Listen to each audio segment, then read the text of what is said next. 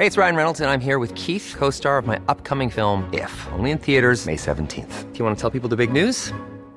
All right, I'll do it. Sign up now and you'll get unlimited for $15 a month in six months of Paramount Plus Essential Plan on us. Mintmobile.com slash switch.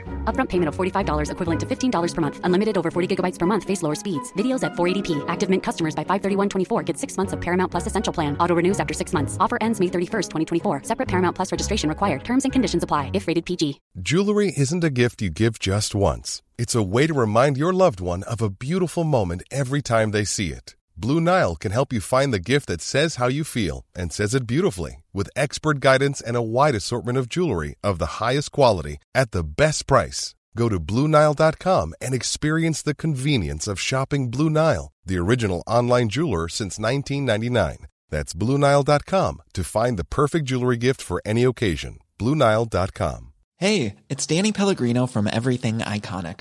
Ready to upgrade your style game without blowing your budget? Check out Quince. They've got all the good stuff shirts and polos, activewear, and fine leather goods, all at 50 to 80% less than other high end brands. And the best part? They're all about safe, ethical, and responsible manufacturing. Get that luxury vibe without the luxury price tag. Hit up quince.com slash upgrade for free shipping and 365 day returns on your next order. That's quince.com slash upgrade. Du lytter til en podcast fra TV2.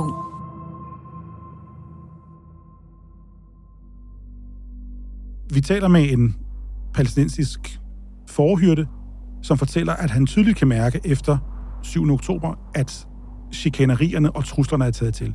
Han siger, at bosættere er kommet til ham om natten, har banket ham, har truet hans familie. Han føler sig ikke længere sikker i det telt, han normalt ville bo i, så nu sover han på ladet af en lastbil, for han, han mener ikke, at de kan sætte ild til ladet af en lastbil, på samme måde som de kan sætte ild til et telt. Mens vi taler med ham, så ser vi militæret flytte en kontrolpost, siger han, ind på hans jord, og vi ser en bosætter stoppe op på vejen, og så sidde og kigge ned på os med en kikkert. Og det virker enormt intimiderende, siger han. Så han har hele tiden den her frygt for, at de kommer igen, og næste gang tror han, frygter han, bliver det måske endnu værre, end det var sidste gang.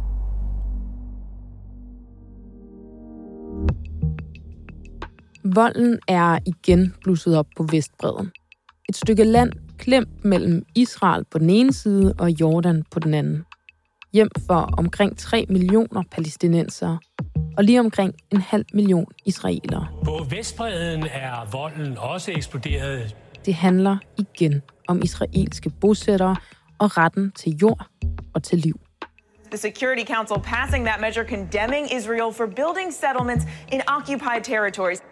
En årtier lang konflikt, der igen har fået ny næring i lyset af krigen mellem Israel og Hamas. For hvad sker der på Vestbredden, mens vores øjne primært er rettet mod Gaza? Det handler dato om i dag. Mit navn er Andrea Dragsdal.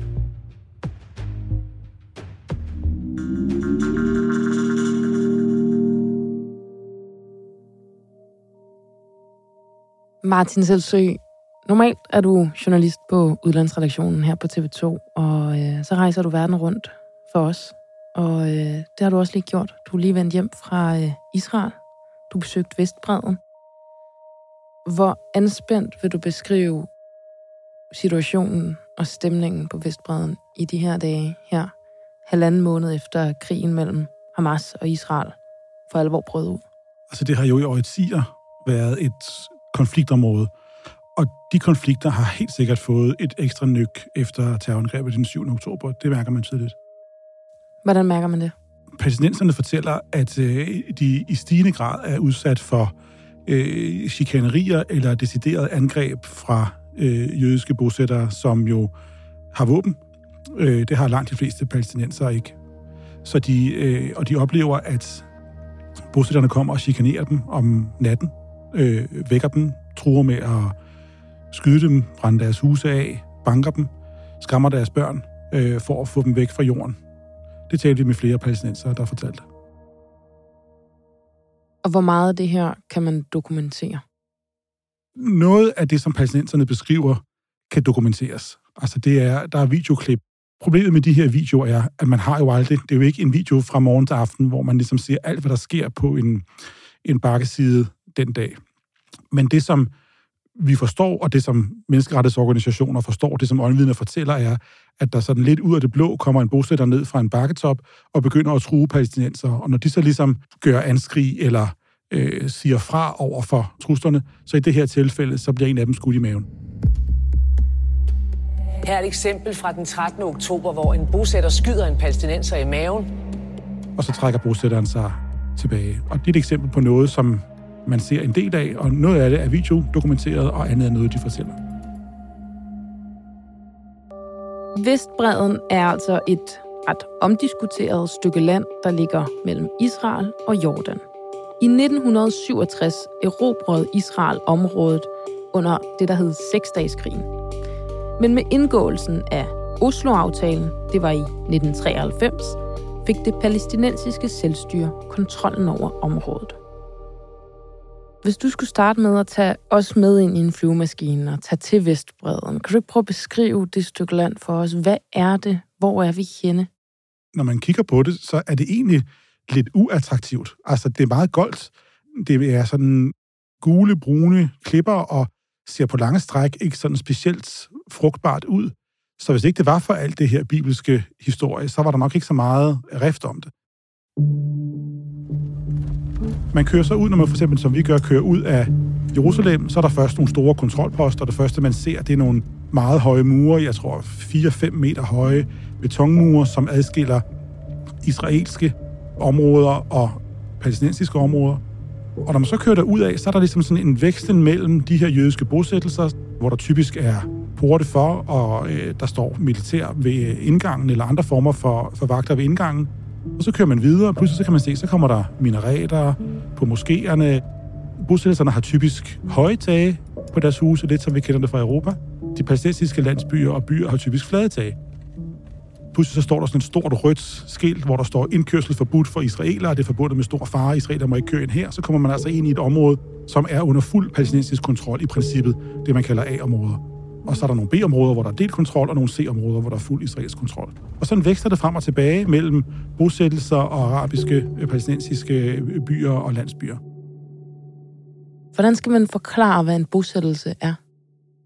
Jeg har snakket med bosættere, som siger, jeg ved ikke, hvad en bosætter er, jeg bor bare i en by. Og det vælger vi udenfor så at kalde for en bosættelse.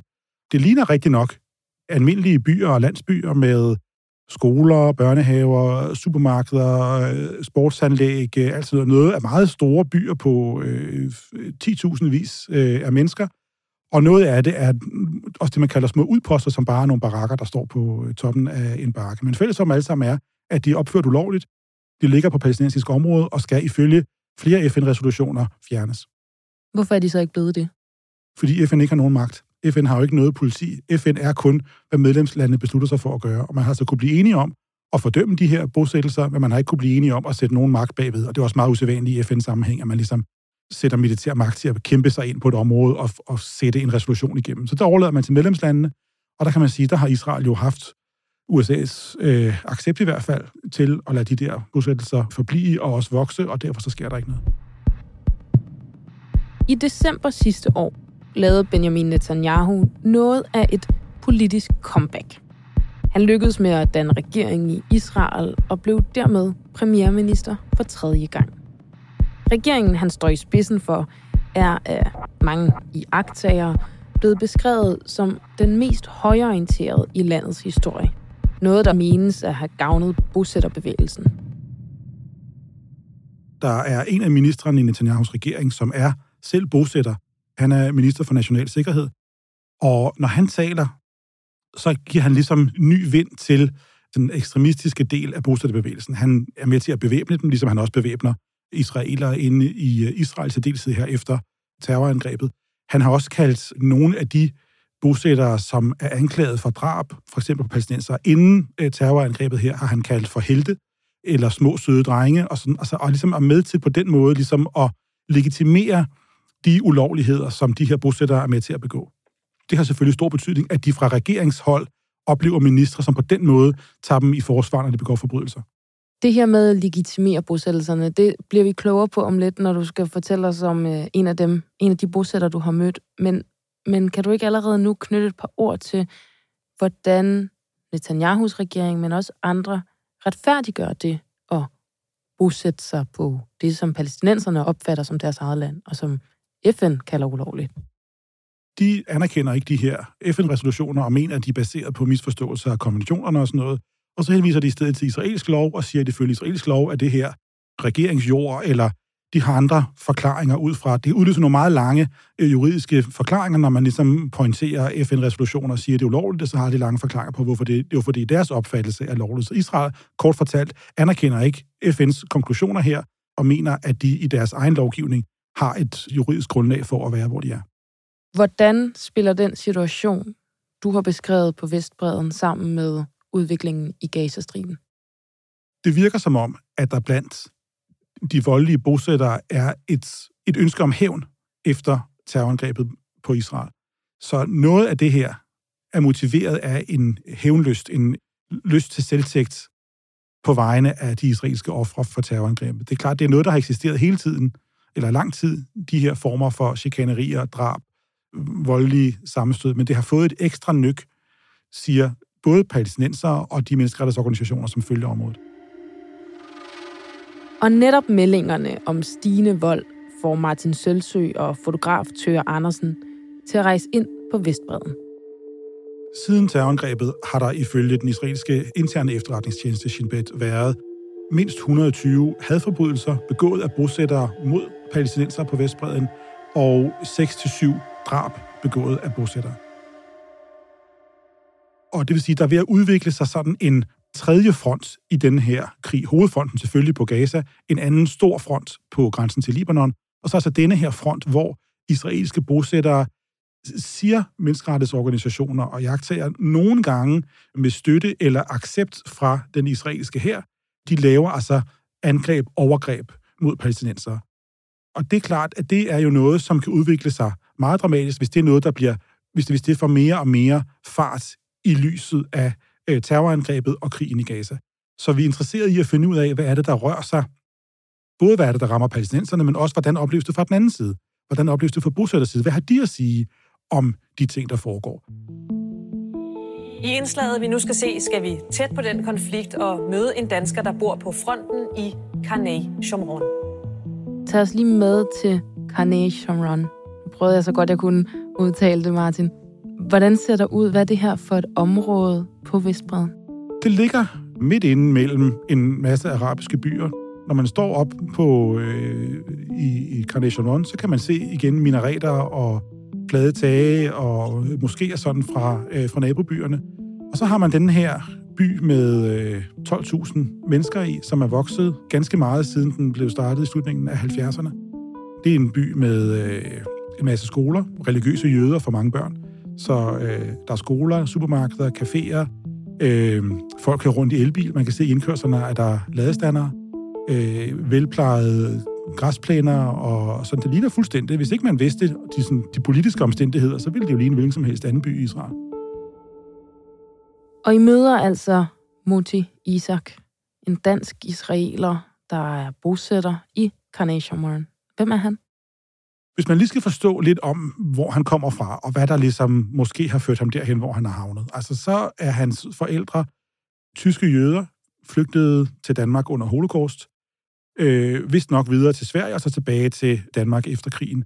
Der får de så Moti i 1952, og han bliver så i 16 år i Danmark, inden han rejser til Israel. Og det han fortæller os er, at han så i slutningen af 70'erne var med til at grundlægge den her bosættelse. Han var i hæren, og da han var færdig med det, så er han med til at grundlægge bosættelsen. Og da vi står op på sådan en udkigspost, så peger han over mod to af de bibelske steder, som er vigtige for jøderne her på det, de kalder Judæa og Samaria, og det, som vi kalder Vestbreden. Han siger, her ligger velsignelsesbjerget, og her ligger forbandelsesbjerget. Og jeg kan ikke den bibelske historie, men det kan han, og det betyder meget for ham. Han siger, det er utroligt, at vi er kommet fra at risikere at blive udryddet af Nazi-Tyskland, og så nu være så stærke, som man kan bebygge på områder, som er en del af den bibelske historie. Det er en kæmpe stor ting for ham. Har han familie?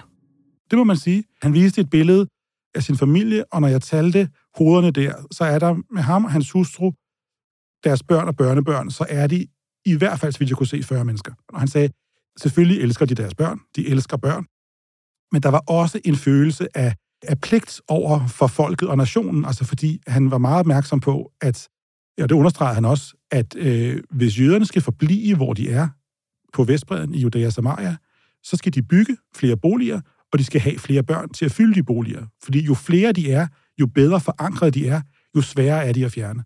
Og han nævnte for eksempel Gaza som en sort plet, fordi at Israel i 2005 fjernede de bosættelser, der var i Gaza, og de bosættere, der boede i dem.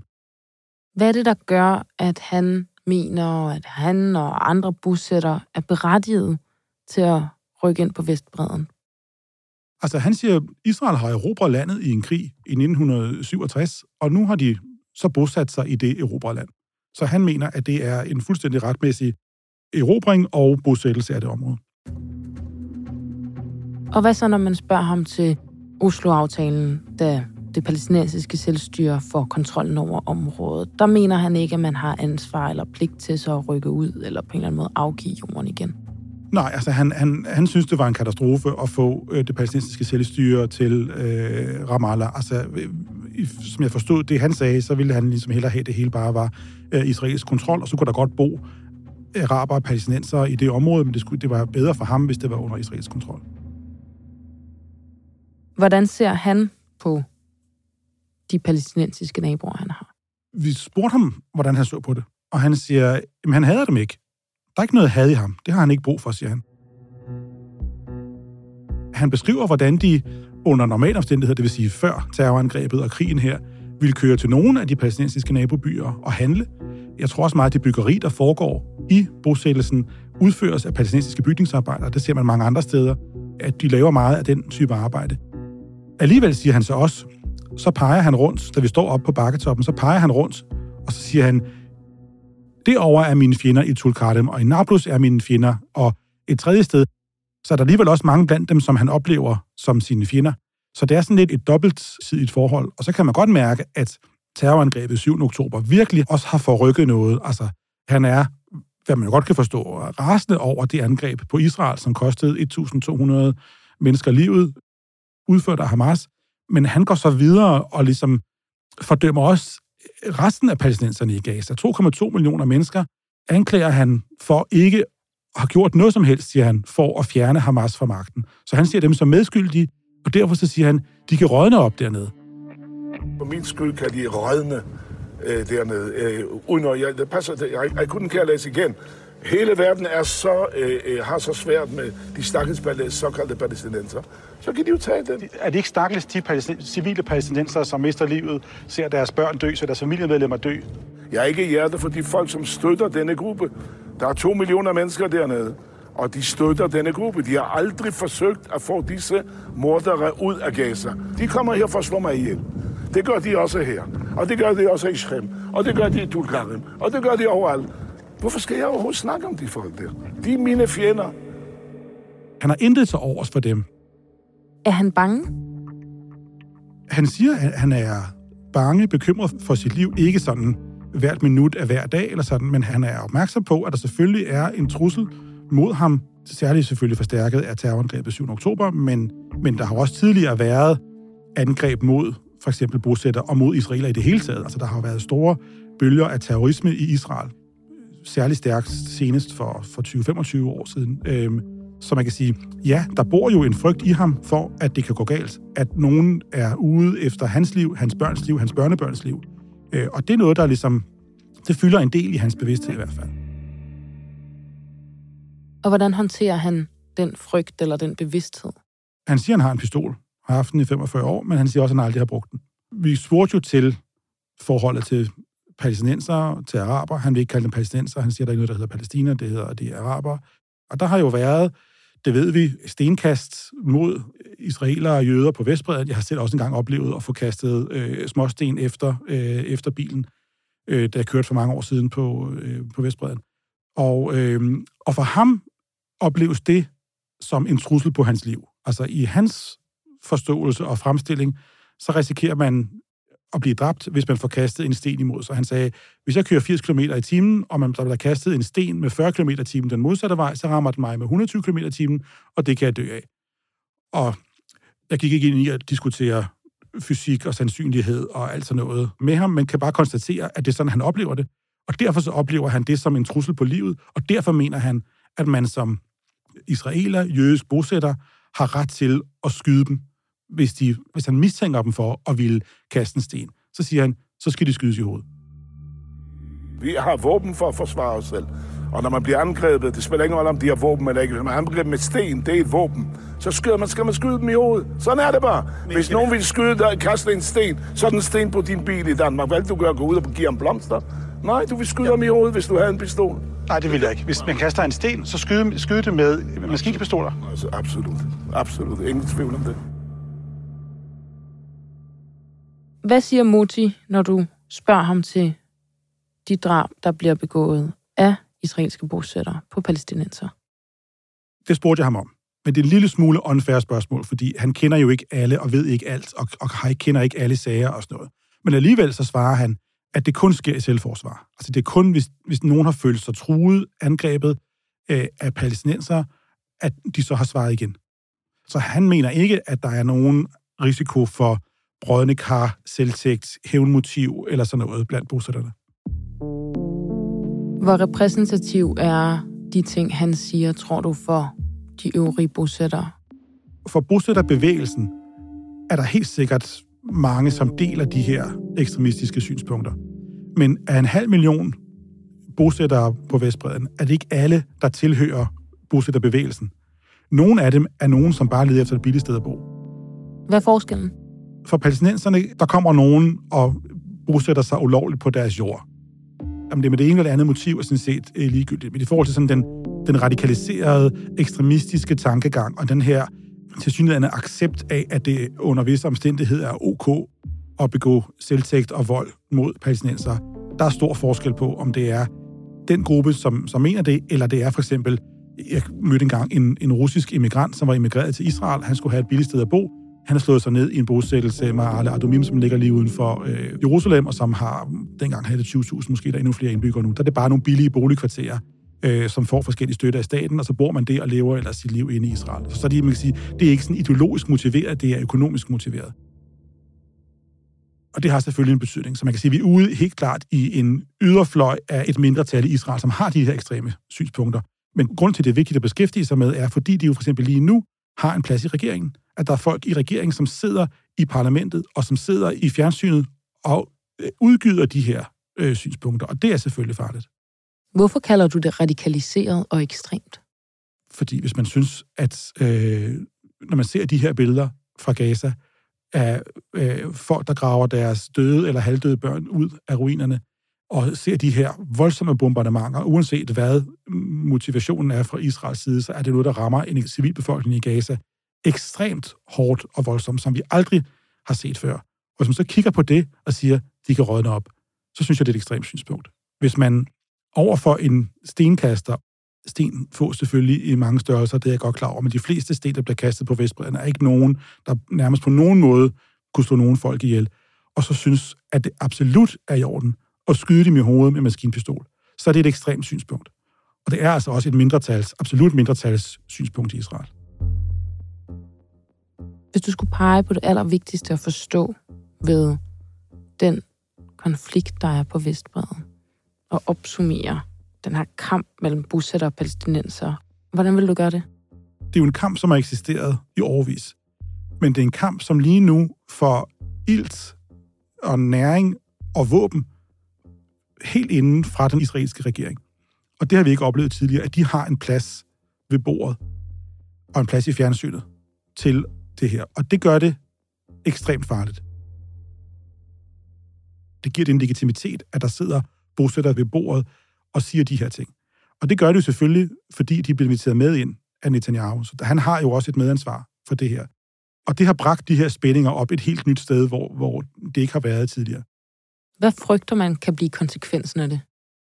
At vi ser endnu mere af den her vold, det vil sige endnu flere drab, endnu flere chikanerier, som betyder, at palæstinenser bliver fordrevet fra deres jord, endnu mere pres på også de palæstinenser, som, øh, som bor i byen, med den indbyggede risiko selvfølgelig, at det kan eksplodere. Jeg tror, der skal meget til, før det eksploderer blandt palæstinenserne på Vestbredet, fordi deres situation er en anden end den i Gaza. De har, har trods alt økonomisk set det bedre, har større frirum, bevægelsesfrihed, trods alt, end Gaza, som jo var fuldstændig isoleret og sanktioneret og bag blokade og sådan noget. Så der skal meget til, at det eksploderer, men, men man ser jo nu ligesom også flere demonstrationer og, og mere konflikt på Vestbredden, end vi har set tidligere. Hvad vil du kalde afgørende for, om volden, konflikten eskalerer yderligere? De her regeringsmedlemmer, som deler de her synspunkter, har helt klart øh, evne til, og måske vilje til et eller andet omfang, at eskalere det her.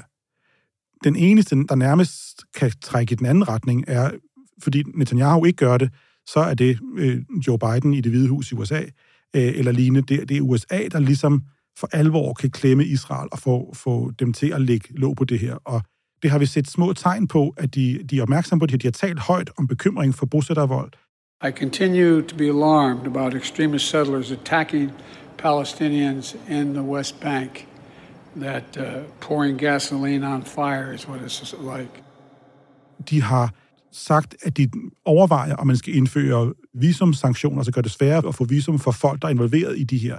Så man kan sige, det er små skridt, men det viser i hvert fald en opmærksomhed øh, på USA og en signalgivning til Israel øh, om, at man er bekymret for det her. Men det er klart, at det her fylder trods alt mindre end den krig, der er i gang i Gaza, øh, og den krig, man er bange for i Libanon.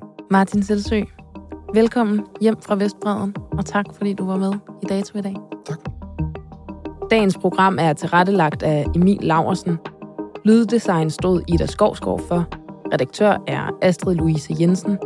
Mit navn er Andrea Dragsdal. Husk også, at du kan lytte til vores krimi-podcast Skyggesiden med Janni Petersen og Carsten Norton. I dag der handler det om indsmuglingen af 400 kilo kokain, 122 års fængsel og lidt af et kulørt bagkatalog af bagmænd. Du har lyttet til en podcast fra TV2.